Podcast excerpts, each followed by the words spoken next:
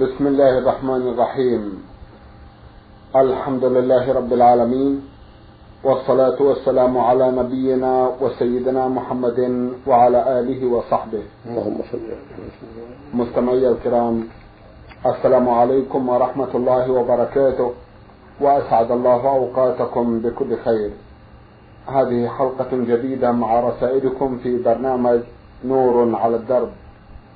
رسائلكم في هذه الحلقة نعرضها على سماحة الشيخ عبد العزيز ابن عبد الله ابن باز الرئيس العام لإدارات البحوث العلمية والإفتاء والدعوة والإرشاد. في بداية لقائنا نرحب بسماحة الشيخ وعلى بركة الله نبدأ في استعراض بعض من رسائل السادة المستمعين. فأهلا وسهلا بالشيخ عبد العزيز. حياكم الله وبارك حياكم الله. ما شاء الله. أولى رسائل هذه الحلقة رسالة وصلت إلى البرنامج من السودان الحلة الجديدة. باعثة الرسالة إحدى الأخوات من هناك تقول أختكم عائشة علي حسن خليفة. أختنا لها مجموعة من الأسئلة.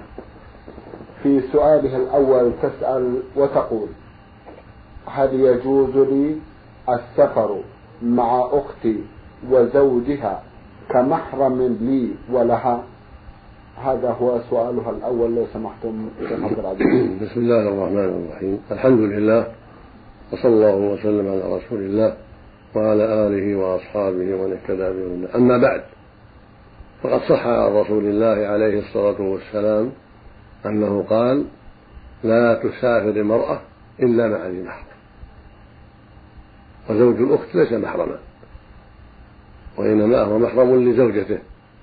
أما أختها وعمتها وخالتها فليس محرما لها وإنما يكون محرما لزوجته وأمها وبنتها. إذا كان قد دخل بأمها لا بأس يكون محرما للزوجة يكون محرما للأم للجدة. وهكذا يكون محرما للبنت من الزوجة إذا كان قد دخل بأمها.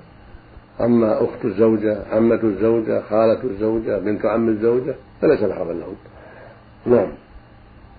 سؤالها الثاني هل يجوز للرجل أن يصافح خالة أو عمة زوجته؟ ليس له ذلك لأن خالتها ليست محرما له وهكذا عمتها. ولكن له أن يصافح أمها جدتها بنتها التي دخل دخل بأمها لا بأس. أما عمتها وخالتها وأختها فليس له أن يصافحهن. يقول النبي صلى الله عليه وسلم إني لا أصافح النساء. وقالت عائشة رضي الله عنها والله ما مست يد رسول الله صلى الله عليه وسلم يد امرأة قط. ما كان يبايعهن إلا بالكلام. ولأن مس المرأة قد يفضي إلى فتنة. قال بعض أهل العلم إنه شر من النظر. نعم. لدي بعض الصور الفوتوغرافية محتفظة بها من في البوم فهل في ذلك حرمة؟ نعم. ليس لك ولا لغيرك الاحتفاظ بالصور من ذوات الأرواح سواء كانت صورة الزوج أو الولد أو الأب أو غيرهم. لقول النبي صلى الله عليه وسلم لعلي رضي الله عنه لا تدع صورة إلا طمستها. ولأنه عليه السلام نهى عن الصورة في البيت. ولما رأى صورة في ستر عند عائشة هتكه غضب وقال عليه الصلاة والسلام إن أصحاب هذه الصور يعذبون يوم القيامة ويقال لهم أحيوا ما خلقت. نعم. الرسالة التالية من السودان أيضا وباعثها أخونا عبد الخالق مجدوب عبد الوهاب من شركة الأسمنت من عطيرة فيما يبدو. أخونا يثني ثناء عاطرا في مقدمة رسالته ويطرح بعض الأسئلة. سؤاله الأول ما حكم الإسلام في التهريب للسلع العادية وليست المحرمة؟ ليس للرجل ولا لغير الرجل أن يحرم السلع التي منعتها الدولة. ليس له أن يحرم. وإذا كانت محرمة كان صار الإثم أكبر. لأن التحريم يضر الناس ويضر إخوانها في البيع والشراء ويخالف الدولة. والمسلم مأمور بالسمع والطاعة في المعروف. وهذا من المعروف لأن الدولة قد ترى مصلحة في ذلك.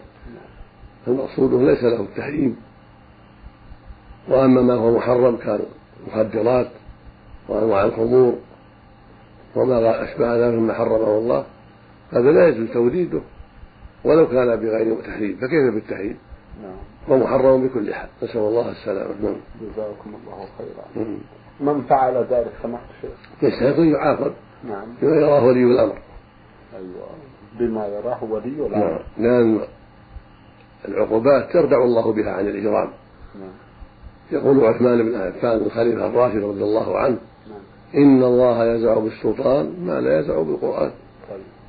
وكثير من الناس لا يردعه إيمانه ولا يردعه خوفه من الله وإنما يردعه العقوبة السلطانية العقوبة في ماله في بدنه بالسجن نعم ونحو ذلك بارك الله فيكم الواقع سماحة الشيخ ميزة يمتاز بها الإسلام ولعلها فرصة تتفضل بشرحها وإلقاء الضوء عليها تلكم الميزة هي وضع آه، دستور واضح وصريح وصلاحيات واسعة أمام ولي الأمر كيما يتخذ من الأحكام ما يصلح الأمة. نعم نعم في باب التعزيرات التي ينفع الله بها المسلمين في باب التنظيمات التي ينفع الله بها المسلمين هذه متروكة لولي الأمر؟ يضع نظام مرور يضع نظام آخر لا يخالف الشرع في ما يتعلق بالبيع والشراء ونحو ذلك في الأسواق في غير ذلك مما لا يخالف الشرع. وهكذا العقوبات التي تردع الناس عن المعاصي التي ليس فيها حدود له أن يضع ما يراه مناسبا وعليه يستشير أهل العلم.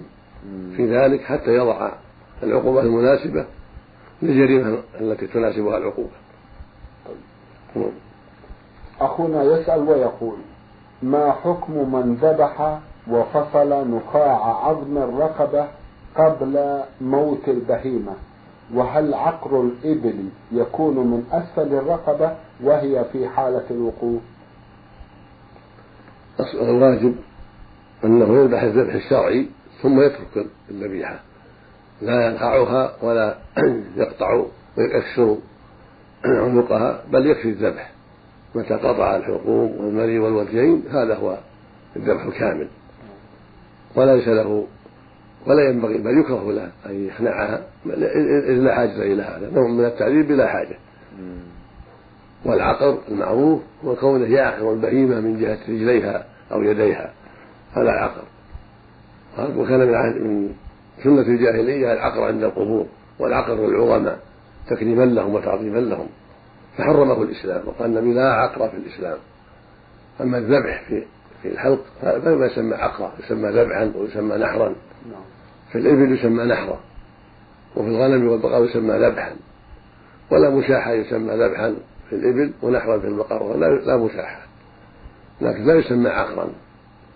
العقر يعقرها في قوائمها. نعم. بارك الله فيكم. يسأل سماحة الشيخ عن طلاق الغضبان. الغضبان له ثلاث حالات. إحداها أن يزول عقله بسبب شدة الغضب فلا يميز ولا يضبط ما يقول. هذا لا يقع الطلاق كالمجنون الحال الثاني اشتد معه الغضب حتى لا يستطيع أن يملك نفسه بسبب شدة الغضب. أو مسابة أو مضاربة أسباب واضحة تجعله يشتد غضبه. فهذا هذه الحالة اختلف فيها العلماء. فمنهم من أوقع الطلاق فيها ومنهم من لم يوقعه وألحقها بالأولى. وهذا هو الأظهر والأقرب أنها تلحق بالأولى إذا اتضحت أسباب شدة الغضب. فإن بعض الناس يدعي شدة الغضب وليس هناك أسباب توجب شدة الغضب. لكن متى اتضحت الأسباب؟ كالمضاربة بين الشخصين أو بين الرجل وزوجته أو بينه وبين أبيها وأخيها ونحو ذلك. والمسابة والمشاتمة التي يظهر منها شدة الغضب ويتضح منها شدة الغضب وتصدقه المرأة أو الحاضرون يصدقون في ذلك هذا لا يقع على الصحيح. أما مجرد دعوة شدة الغضب من دون دليل ولا بيان ما يكفي.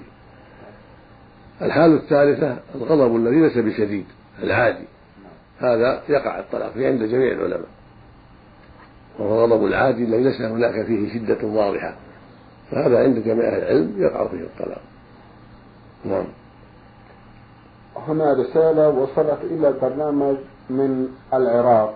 باعثها أخونا صبري يوسف أحمد.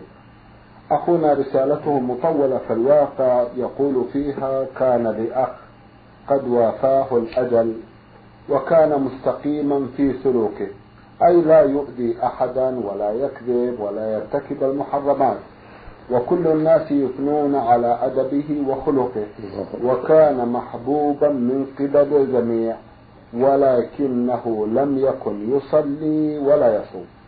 علما بأنه كان مطربا أي يغني ولديه أغاني ويستمر في سرد مثل هذا الوصف ويقول في نهاية رسالته إنه يقرأ عليه سورة ياسين عملا بقول الرسول صلى الله عليه وسلم ياسين قلب القرآن فاقرؤوها على موتاكم.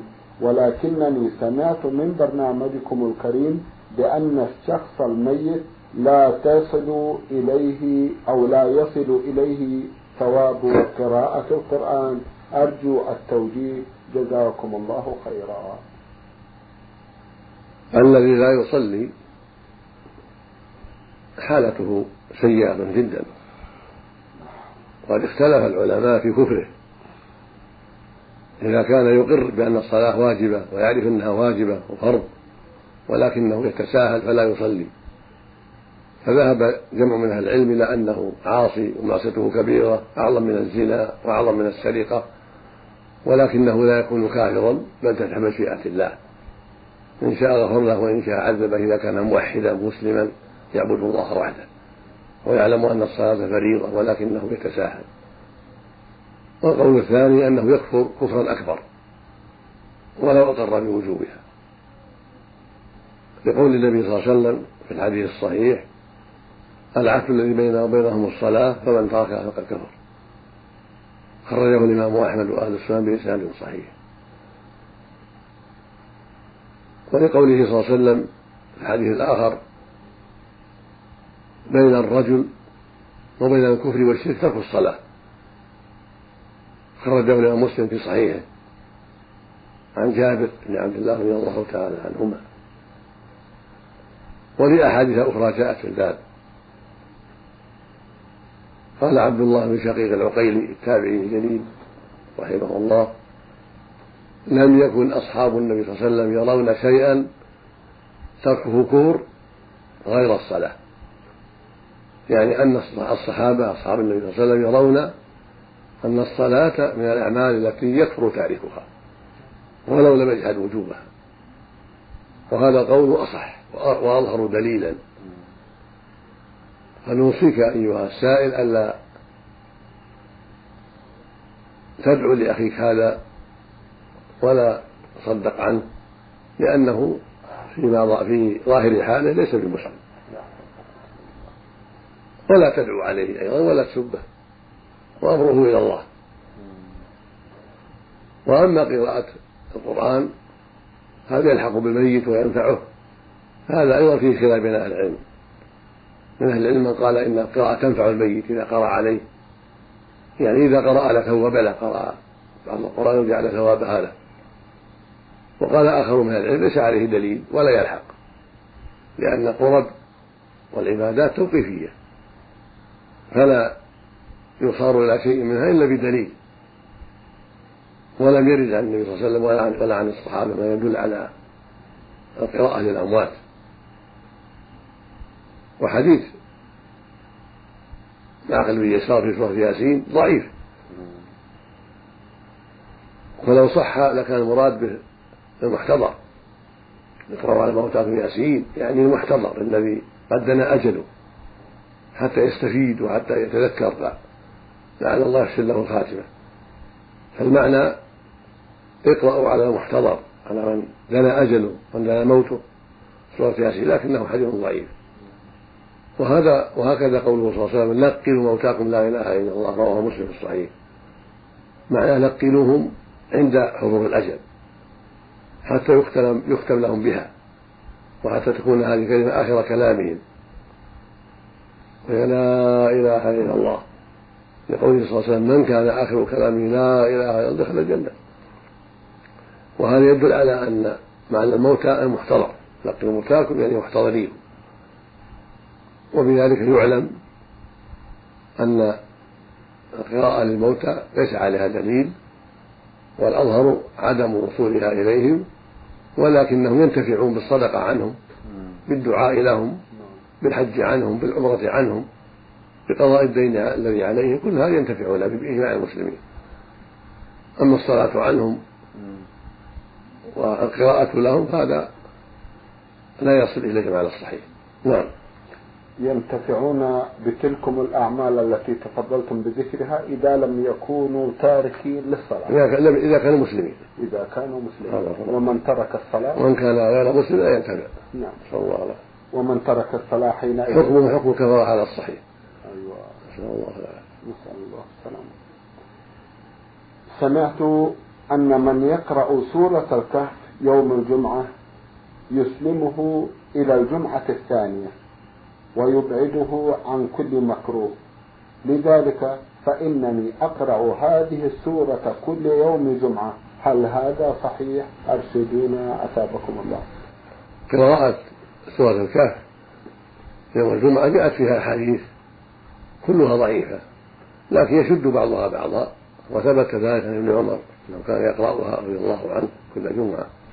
فإذا قرأها الإنسان يوم الجمعة فهو حسن. ووجدت فيها الثواب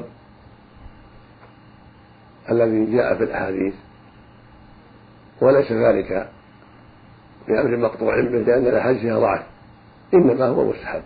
نعم.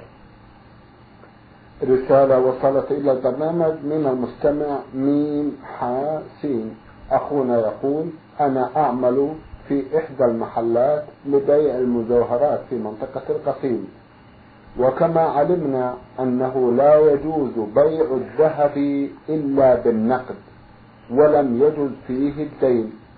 لكن صاحب المحل يقول إذا جاءوا أصحابي المعروفين أعطهم السلف فهل هذا صحيح أم لا؟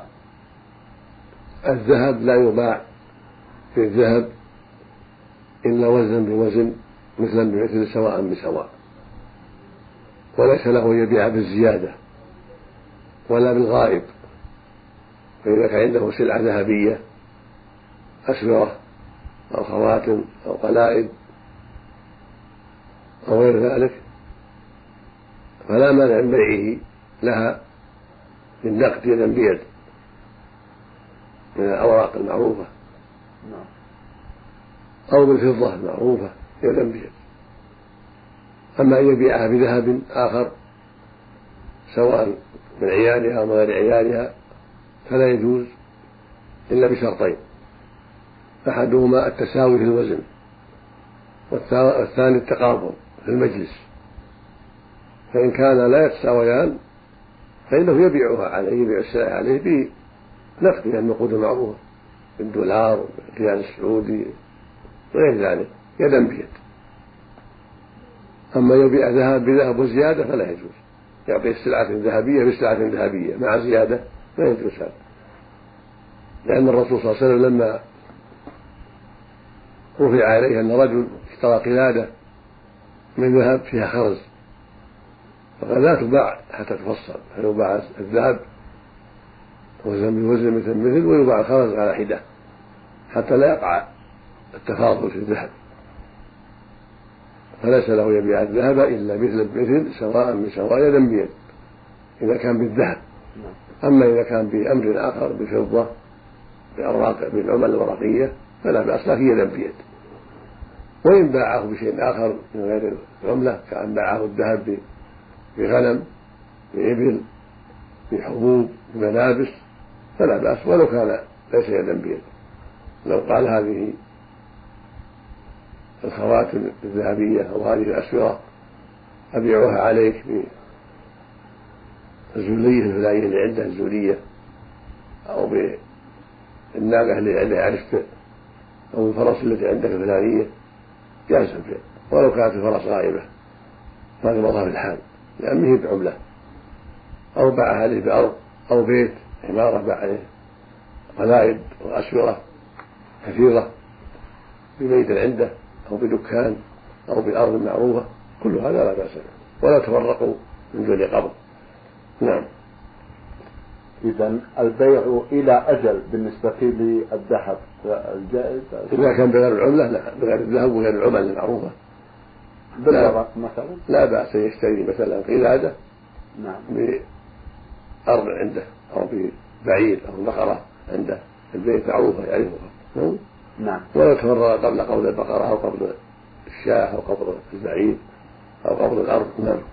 أما بالنقد فلا. أما بالنقد لا بد يدا بيد. لابد أن يعني سواء كان نقد ورق أو فضة. كان كان من ذهب من جنس لابد مع القول من التساوي. وزن بوزن مثل بمثل إذا كان من جنس ذهب بذهب يعني أو فضة بفضة. فلا بد الشرطين التساوي في الوزن ومع مع مع التقابل والذين يشترون الذهب الجديد بالذهب القديم ويدفعون الفرق. لا ما يصلح. لا يصلح لا يصلح لا نعم بارك الله فيكم أخونا أيضا يقول يوجد في المحل خواتم خاصة بالرجال وبعض السلاسل ويشتريها الأجانب أيضا من غير المسلمين. هل الذنب على البائع وهو يعمل براتب أو على صاحب المحل الأصلي؟ أين السؤال؟ يقول يوجد في المحل خواتم خاصة بالرجال. وبعض السلاسل ويشتريها الأجانب من غير المسلمين وأيضا يشتريها أناس من المسلمين. هل الذنب على البائع وهو يعمل بالراتب أو على صاحب المحل الأصلي؟ لا لا لا. لا ما يشتريها المسلم وغير المسلم. لكن بس بالشرط الشرعي بالشروط الشرعية. كان ذهب لابد يشتريها غير الذهب. يدا بيد من العمل. نعم. وإن اشتراها بالذهب فلا بد يقوم بالشرطين. التساوي والتقابض سواء كان المشتري مسلما أو كافرا. رسالة بعث بها أحد الإخوة المستمعين يقول مصري بالمملكة. أخونا يقول السلام عليكم ورحمة الله وبركاته. وبعد كنت أعمل في السبعينات الميلادية أمين خزينة لإحدى الشركات التي تقوم بتوزيع سلعة تموينية على التجار. وكانت طبيعة عملي هي قبض قيمة تلك السلعة بموجب فواتير بسعرها وكانت. وكانت طبيعة عملي هي قبض قيمة تلك السلعة بموجب فواتير بسعرها الرسمي. إلا أن جميع التجار كانوا يدفعون قيمة الفاتورة بالإضافة إلى خمسة أو عشر قروش زيادة وذلك بمحض إرادتهم. والآن ضميري يؤرقني في شأن تلك القروش الزيادة والتي كانت بالطبع تدخل جيبي الخاص. ولي سؤالان هل تلك القروش تعتبر حراما بالرغم من أن التاجر كان يدفعها بإرادته؟ ثانيا إذا كانت حرام فما هي الطريقة التي أبرئ بها ذمتي من تلك المبالغ؟ مع العلم بأن هؤلاء التجار كثيرون وفي أماكن متباعدة جدا واحتمال أن يكون قد توفي بعض منهم. أفيدونا مأجورين. جزاكم الله خيرا. والسلام عليكم ورحمة الله وبركاته. إذا كان المسؤولون عن هذه السلع قد سمحوا لك بهذه القروش فلا بأس. أما إن كانوا لم يسمحوا لك ولكن أنت تزيدها على التجار. لحاجتك أنت ولمصلحتك أنت فهذا حرام عليك وعليك التوبة والصدقة بها عن أهلها. عليك التوبة والصدقة بها عن أهلها. أما إذا كنت تسأل تقول أنا فقير أنا مسكين ساعدوني ويعطونك هذه المساعدة من أجل فقرك هذه لك. ليس ليس عليها بها شيء لأنك أوضحت لهم أنك فقير وأنك محتاج فأعطوك إياها صدقة. فينبغي لك أن تفهم هذا. إن كنت أخذتها من التجار عن شرط منك لهم. تقول ما أبيعك حتى تعطوني هذه الزيادة. هذه زيادة لأهل السلع وعليك أن تصدق بها عنهم إذا كنت لا تعرفهم. ومن تعرفه منهم تعطي حقه إذا كنت تعلم ذلك. وإذا جهلت ذلك تصدق به عن أهله. وإن كانوا أذنوا لك الذين عمدوك بهذا أذنوا لك في الزيادة فهي لك. وإن كان التجار أعطوك صدقة البيع معروف والثمن معروف لكن أعطوك إياها صدقة لأنك ذكرت لهم أنها أنك محتاج وأنك مسكين وأن الراتب ما يكفيك فأعطوك إياها صدقة فلا بأس. ولا. إذا كان يتغير أسلوب المعاملة سماحة الشيخ بالنسبة لمن يدفع ولمن لم يدفع فما هو قولكم لو تكرمت؟ إذا كان, إذا كان أعطوه سهل لهم وباع عليهم بسهولة وإن لم يعطوه عاكسهم هذا حرام عليه وعليه يسلم القروش لأهلها. فإن لم يعرفهم صدق بها عنه وعليه التوبة لأنه أعلم بهذا آه، في تلك المنطقة يسمون مثل هذا بالبخشيش. يقع هذا يقع نعم. يقع, يقع. والقول فيه لو تكرر محرم. محرم. البخيل يعاكس في بيع السلع أو يعطلها أو يماطل حتى يعطوه البخشيش هذا حرام عليه أما إذا صرح أنه محتاج وأنا محتاج وأنا مسكين ساعدوني وأعطوه لا بأس. جزاكم الله خيرا. نعود إلى السودان عبر رسالة وصلت إلينا من أحد الإخوة المستمعون المستمعين يقول أخوكم من أهل السنة والجماعة. أخونا له ثمانية أسئلة. سؤاله الأول يقول هل العزاء بعد الدفن لأهل الميت في مكان خاص لمدة ثلاثة أيام مشروع مع إحضار الطعام. ليس لهذا أصل أما العزاء فليس له محل معين. تعزيهم في الطريق تعزيهم في المسجد تعزيهم في المقبرة قبل الدفن أو بعد الدفن كل هذا لا بأس به. أما أنه يصنع طعاما للناس للمعزين وغيرهم فهذا لا يجوز من عمل الجاهلية. ولكن لو جلسوا في بيت جاءهم معزون من غير أن يصنعوا طعاما للناس فلا بأس. إذا جاءهم معزي في البيت فعزاهم وخرج في ليل أو نهار لا بأس بهذا. أما أنهم يصنعون طعاما للناس ليكرموهم إذا جاءوا يعزون هذا ليس له أصل. وهو من عمل الجاهلية.